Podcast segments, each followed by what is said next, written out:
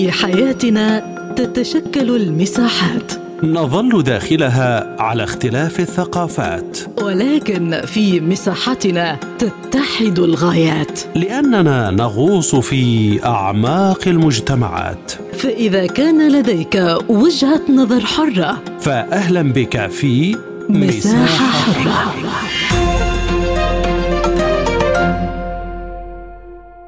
أهلا بكم مستمعينا الكرام في هذه الحلقة من مساحة حرة معكم فيها عبد الله حميد.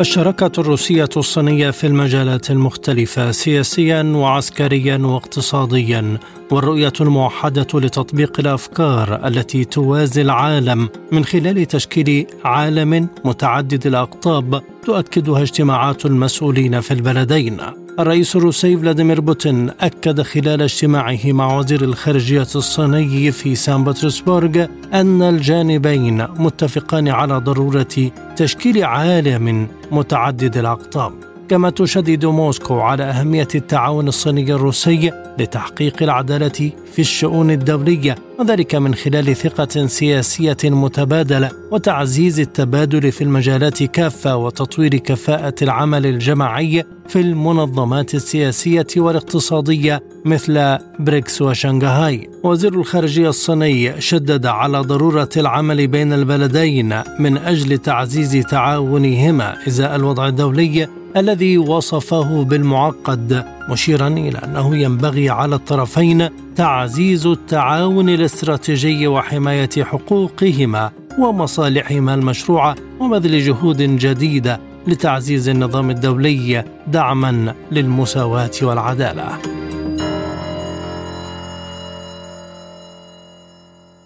في هذا الصدد نناقش مع ضيوفنا في هذه الحلقة بداية من عمان الدكتور حسن الدعجة مستشار معهد الحزام والطريق في جامعة بكين.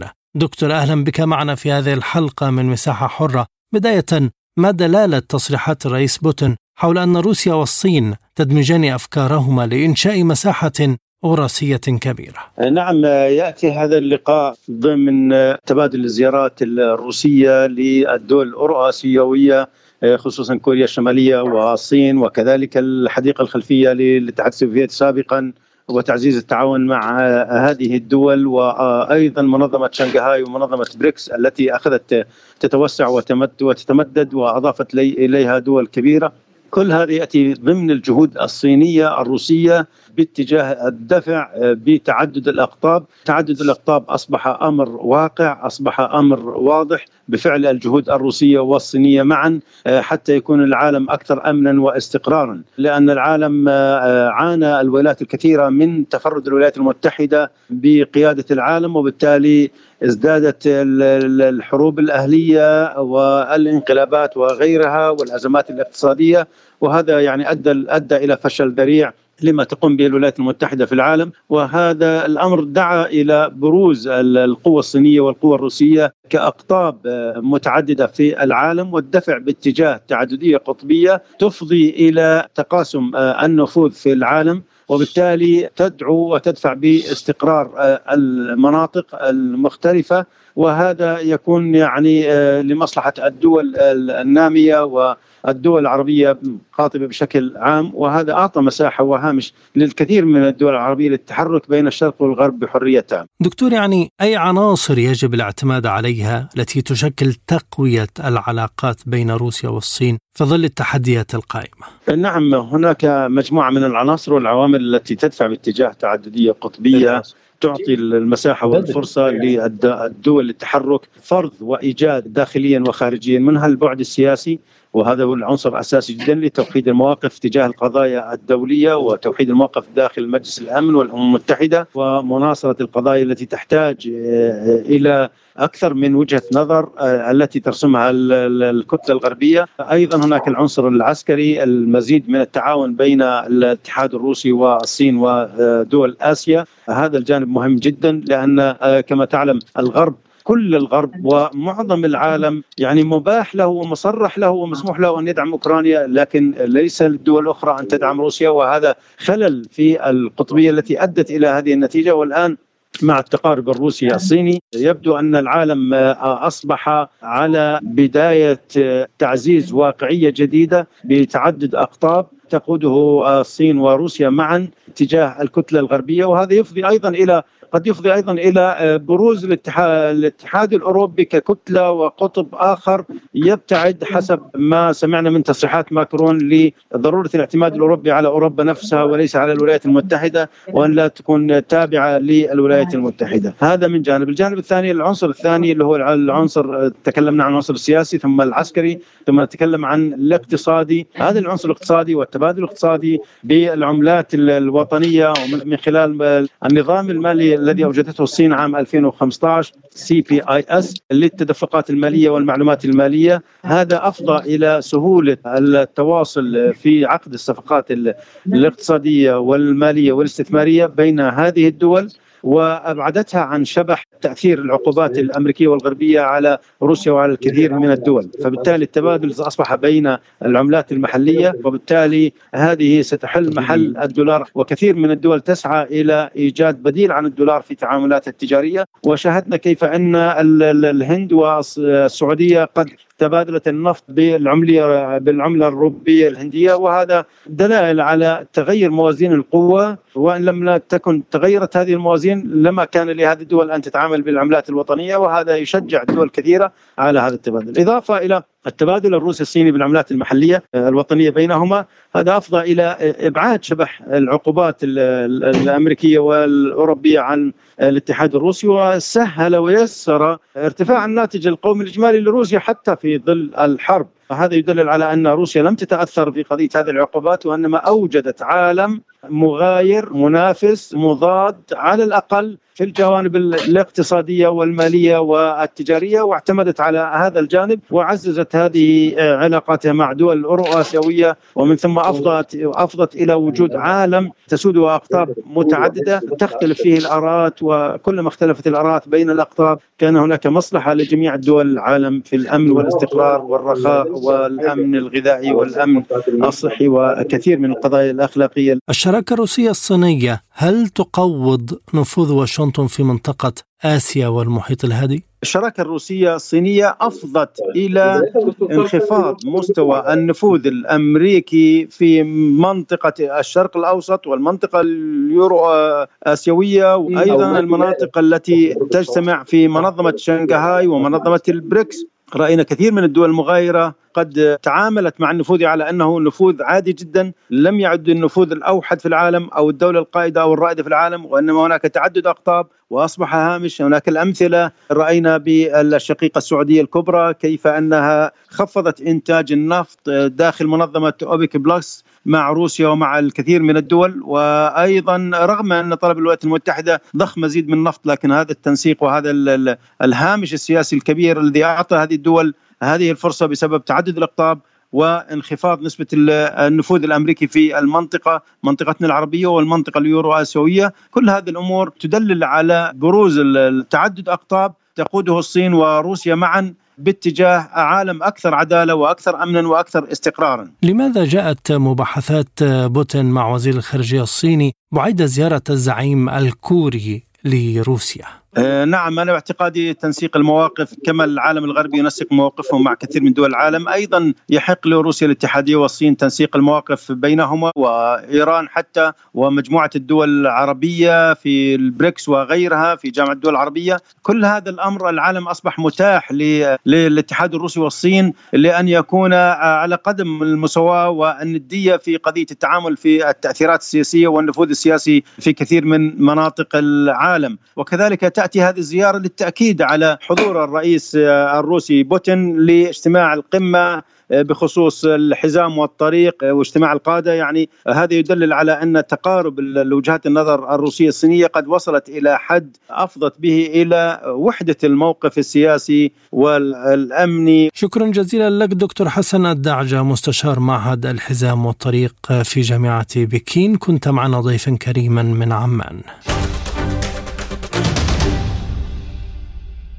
معنا من بكين الكاتبة الصحفية سعاد ياي شينهوا أهلا بك سيدتي. شراكة روسية صينية يتم التأكيد عليها للعمل في كافة المجالات. كيف إذا يمكن البناء عليها وتطويرها؟ تحياتي إليكم من بكين. كما نعرف أن العلاقة الصينية الروسية تشهد تطورا مستمرا خلال هذه السنوات وخاصة في ظل مواجهة هذه العلاقة الضغوطات المفروضة من الدول الغربية وفي ظل استمرار الصراع العسكري بين روسيا وأوكرانيا. لكن هذه العلاقة لم آه، يعني آه، آه، لم تتنازل من الضغوطات الغربية بدلا من أنها تشهد تطورا المستمرا خلال هذه السنوات وخاصة بعد زيارة الرئيس الصيني شي لروسيا في مارس الماضي حيث تم توصل إلى سلسلة من الاتفاقيات التعاون بين البلدين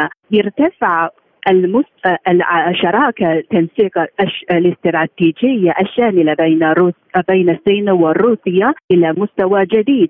بالإضافة إلى ذلك تم توصل الجانبين إلى أرضية مشتركة حول تعزيز التعاون والتبادلات بينهما في المجالات الاقتصادية والتجارية والثقافية والرياضية وغيرها من المجالات.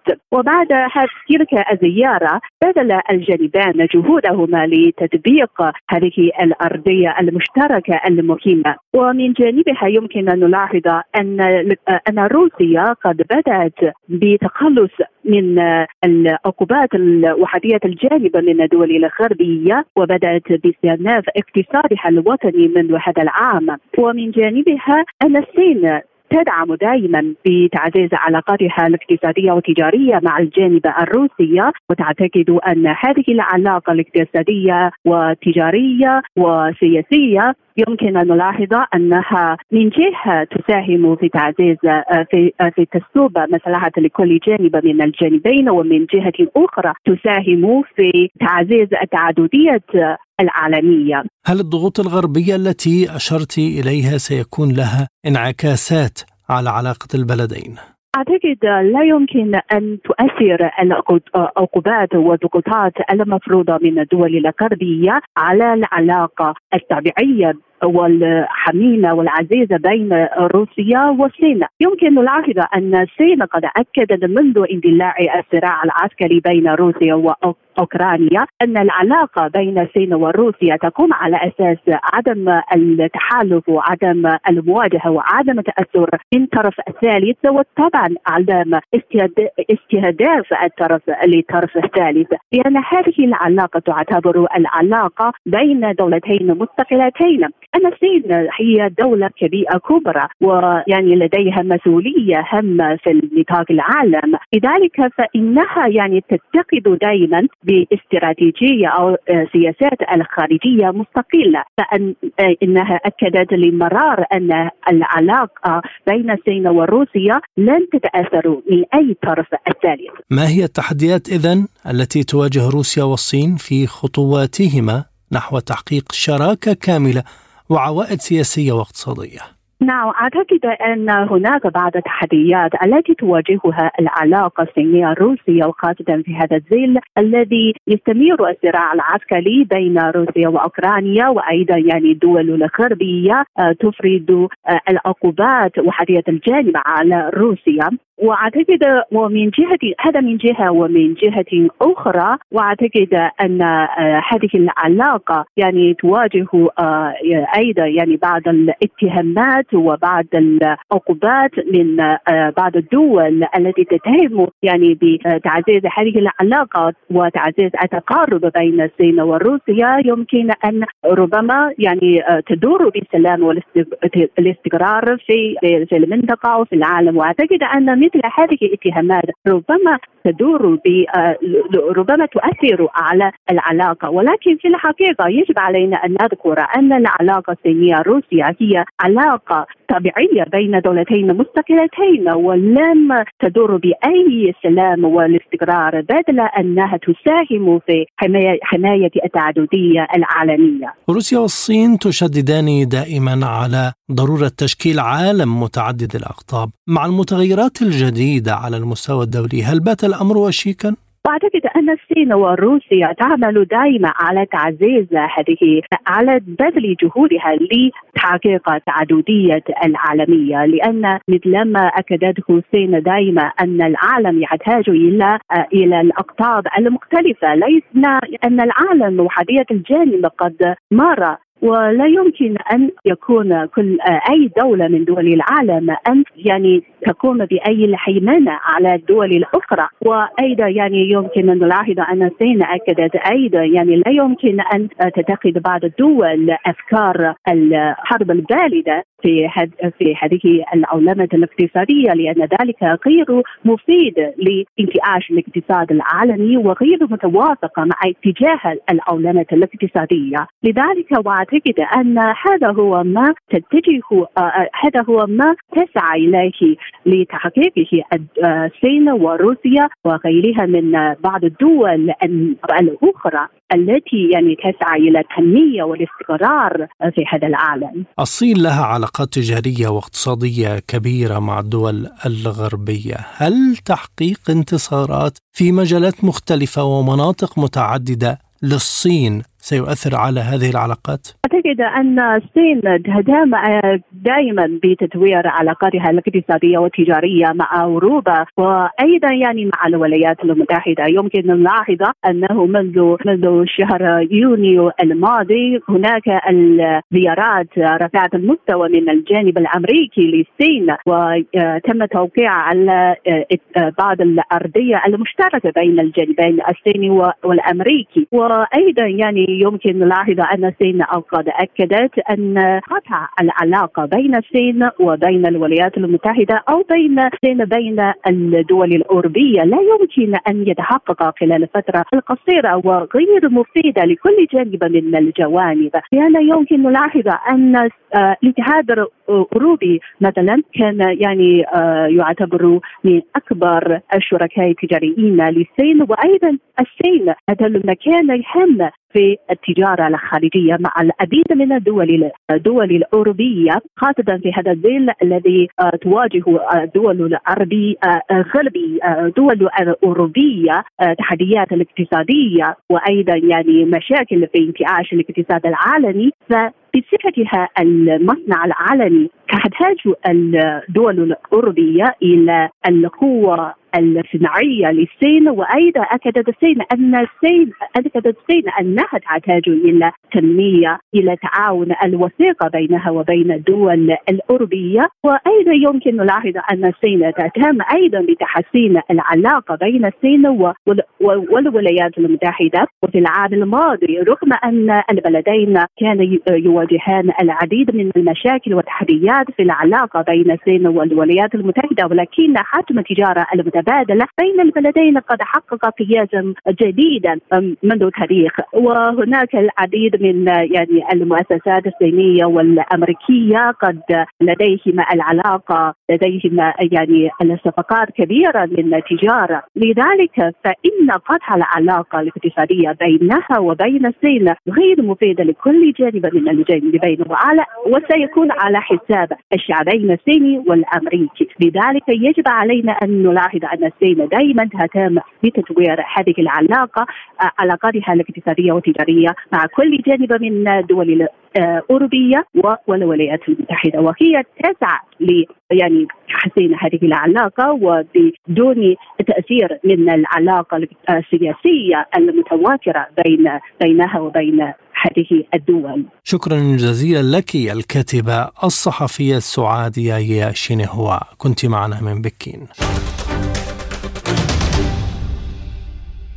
من بيروت ينضم إلينا الخبير الاقتصادي الدكتور محمد موسى، دكتور أهلا بك، كيف استفادت روسيا والصين من تعاونهما الاقتصادي في مختلف المجالات؟ لا شك أن العلاقة الروسية الصينية هي جوهر أو إذا شئت هي علامة فارقة في السنوات الأخيرة لا سيما من بعد ما جرى بين روسيا وأوكرانيا والتحولات الكبرى على المستوى الدولي السياسي والجيوسياسي والاقتصادي. وبالتالي أصبحت روسيا بحاجة الصين والصين بحاجة روسيا وفي ذلك تكامل في استيلاد ما يعرف بتعدد الأقطاب بالمعنى الاقتصادي والسياسي. وبالتالي كانت هذه العلاقة التبادلية التي تتعزز شيئا فشيئا إن باللقاءات ما بين الرئيس شي والرئيس بوتين والتي شهدت أكثر من لقاء في الفترة الأخيرة في السنوات الأخيرة إن على مستوى الوفود إن على مستوى الوزراء. وأعني وزراء الخارجية ووزراء الاقتصاد والتجارة حتى بالمستوى العسكري هناك تطور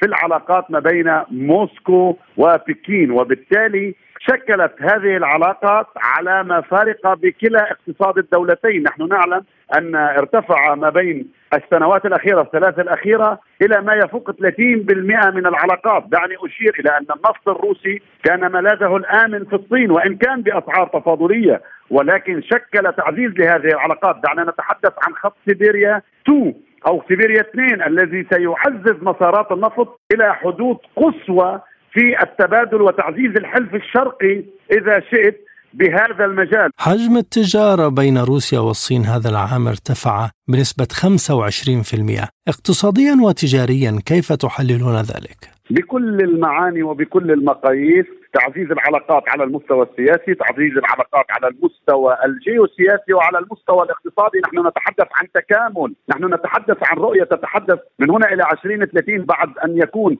تكمل مسار سيبيريا. نتحدث عن تجارة بينية بقرابة ال 200 مليار. اليوم هي عند مستوى 113 115 مليار وهي آخذة في التطور ناهيك عن جملة أمور تحتاجها الدولتين في هذه اللحظة. يجمعهما الكثير من الملفات. يجمعهما الكثير من آه، آه، القضايا الدولية الشائكة والقضايا الاقتصادية التكاملية إن على مستوى تحالف بريكس إن على مستوى تحالف منظمة شنغهاي إن على مستوى تبادل السلع. وبالتالي أصبحت موسكو منفذا للصين بمعنى كما نقول شق للخلاص من جملة العقوبات الأمريكية والسياسة الأمريكية وحلف متين بالمعنى العسكري. وأصبحت بكين بالنسبة إلى موسكو كما نقول حبل خلاص لكي تتخلص أيضا من جملة العقوبات الأمريكية وتصدير كل ما تريد تصديره بالتوجه شرقا وبالتالي لا أستغرب أن نرى 25% ربما نجد في الأعوام المقبلة تعزيز مزيد لهذه الشراكة. انشاء مساحه أوراسية كما قال الرئيس بوتين بما في ذلك مبادرة الحزام والطريق الصينية، ما الخطوات المناسبة لتحقيقه؟ بالحقيقة مسألة الطرقات ما بين طريق الحرير الهندي وطريق التوابل ما بين طريق الحرير الصيني وطريق التوابل الهندي نحن أمام جملة مشاهد جديدة خاصة مع تعزيز التحالفات الدولية في قمة بريكس وقمة العشرين وما جرى بينهما من قمة السبع وقمة بالي شهدنا بالمعنى الاقتصادي والتجاري وبالمعنى السياسي جملة تحالفات جديدة تنشأ. من من من جملتها سيكون هذه المساحة الأوراسية التي ستكون امتداد وتسهيل لخط الحرير الصيني مبادرة الحزام والطريق التي للمناسبة أنفق ما أنفق عليها حتى الساعة بجملة اتفاقيات مع العديد من الدول وبمكان ما ستكون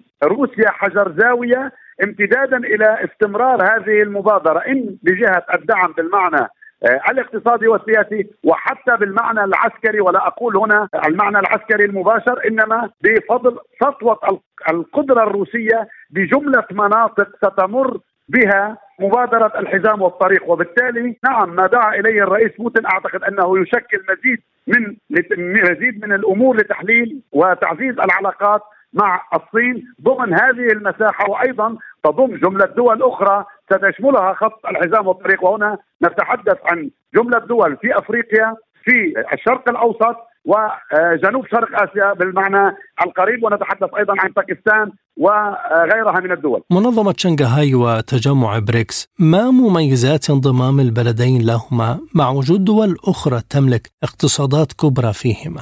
لا شك أن بريكس منذ آه، تأسيسها حتى اليوم وهي في مسار تصاعدي وحتى الأحداث وما جرى مؤخرا بين روسيا وأوكرانيا كان العامل الفيصل ليقول أن منظمة بريكس باتت لا أقول البديل للولايات المتحدة ولكن باتت تشكل الشريك، لا نتحدث عن يوم ويومين أو عام وعامين، ولكن من الواضح تشكل قطب جديد بالمعنى الدولي، ليس قطب يتألف من دولة إنما يتألف من مجموعة دول ضمن حلف اقتصادي ربما يتعزز سياسيا بعيدا عن الأزمات ما بين الهند والصين بالمعنى الاقتصادي والتجاري وبالتالي وجود روسيا والصين ضمن بريكس يشكل ثقل اساسي الصين اليوم التنين الصيني بما يمثل بالاقتصاد العالمي. نحن نتحدث عن ثاني اقتصاد نتحدث عن المصدر الأول عن مصنع العالم. بالمقابل نتحدث عن كما نقول بمكان ما ملك الطاقة القادر على الطاقة بالمعنى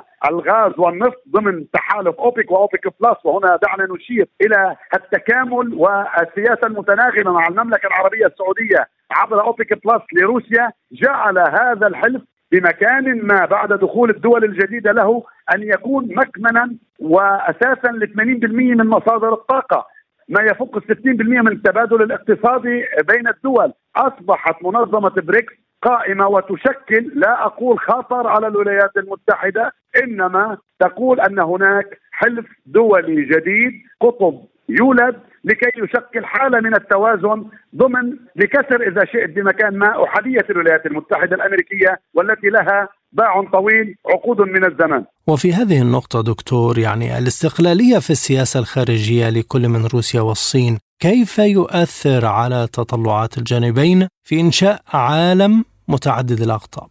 سؤالك بالصميم عبد الله دعني أشير إلى أننا نحن أمام جملة كما نقول كونسبت مفهومات سياسية جديدة في العالم، اليوم نحن أمام نظريا سيادة الدول والأمن القومي للدول الكبرى، السياسة الخارجية لكل دولة ضمن إطار الأحلاف الكبرى، وبالتالي بهذا المضمار أستطيع أن أقول أن روسيا دولة تتمتع بسياستها الخارجية التي تفرض الإيقاع الروسي. وظهر ذلك مع السيد لافروف وحضور روسيا في قمة بريكس الأخيرة اليوم في الأمم المتحدة منذ مدة آه، شهدنا آه، جملة كما نقول قمم أيضا للصين مع العرب مع الخليج مع السعودية تحولات جمة وبالتالي تتمتع كل من كلا الدولتين باستقلاليتها التامة ضمن سياستها الخارجية ولكن هنا لا يعني الافتراق. دعني أقول أن هناك العديد من الأمور التي تتكامل ما بين الدولتين. انظر إلى تطور العلاقة ما بين الخليج العربي والمملكة العربية السعودية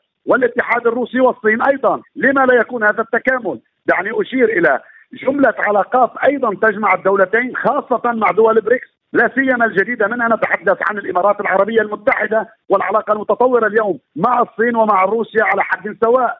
دعني أشير إلى مبادرة الحزام والحرير التي تطرقنا إليها والتكامل الروسي الصيني الروسي الصيني هناك تطور في العلاقات ما بين موسكو وبكين وبالتالي شكلت هذه العلاقات على مفارق بكلا اقتصاد الدولتين نحن نعلم أن ارتفع ما بين السنوات الأخيرة الثلاث الأخيرة بهذا المضمار. وبالتالي نحن كل دولة تحافظ على استقلاليتها السيادية بالمعنى العسكري والسيادية بمعناها للسياسات الخارجية ورؤيتها للعالم الخارجي ولكن يبقى التكامل هو العنوان الظاهر. ودعني أشير إلى نقطة مهمة جدا بهذا المضمار أن السياسة الخارجية اليوم بكل العالم تقوم على الأرقام أي تقوم على الاقتصاد وحاجات الدول. وبالتالي كيف أستطيع أن أعزز الناتج القومي من خلال علاقتي هي الأساس. وبالتالي لكل مساحة لكل هامش يسير علاقاته ولكن أيضا لكل منهما ما يجمعهما الكثير. وهنا في المضمار نفسه أيضا إذا شئت دعني أقول أن هناك بمكان ما يجمعهما على مستوى البعد الدولي الاستراتيجي. للأسف العلاقة الغير سوية لا أريد أقول العلاقة العداء العلاقة الغير سوية والغير مستقرة مع الولايات المتحدة اللي جهه أزمة تايوان للتنين الصيني وإن للأزمة الأوكرانية وغيرها مع حلف الناتو والولايات المتحدة بالنسبة إلى موسكو. شكرا جزيلا لك دكتور محمد موسى الخبير الاقتصادي كنت معنا من بيروت. كما نشكركم مستمعينا الكرام على طيب المتابعة إلى اللقاء.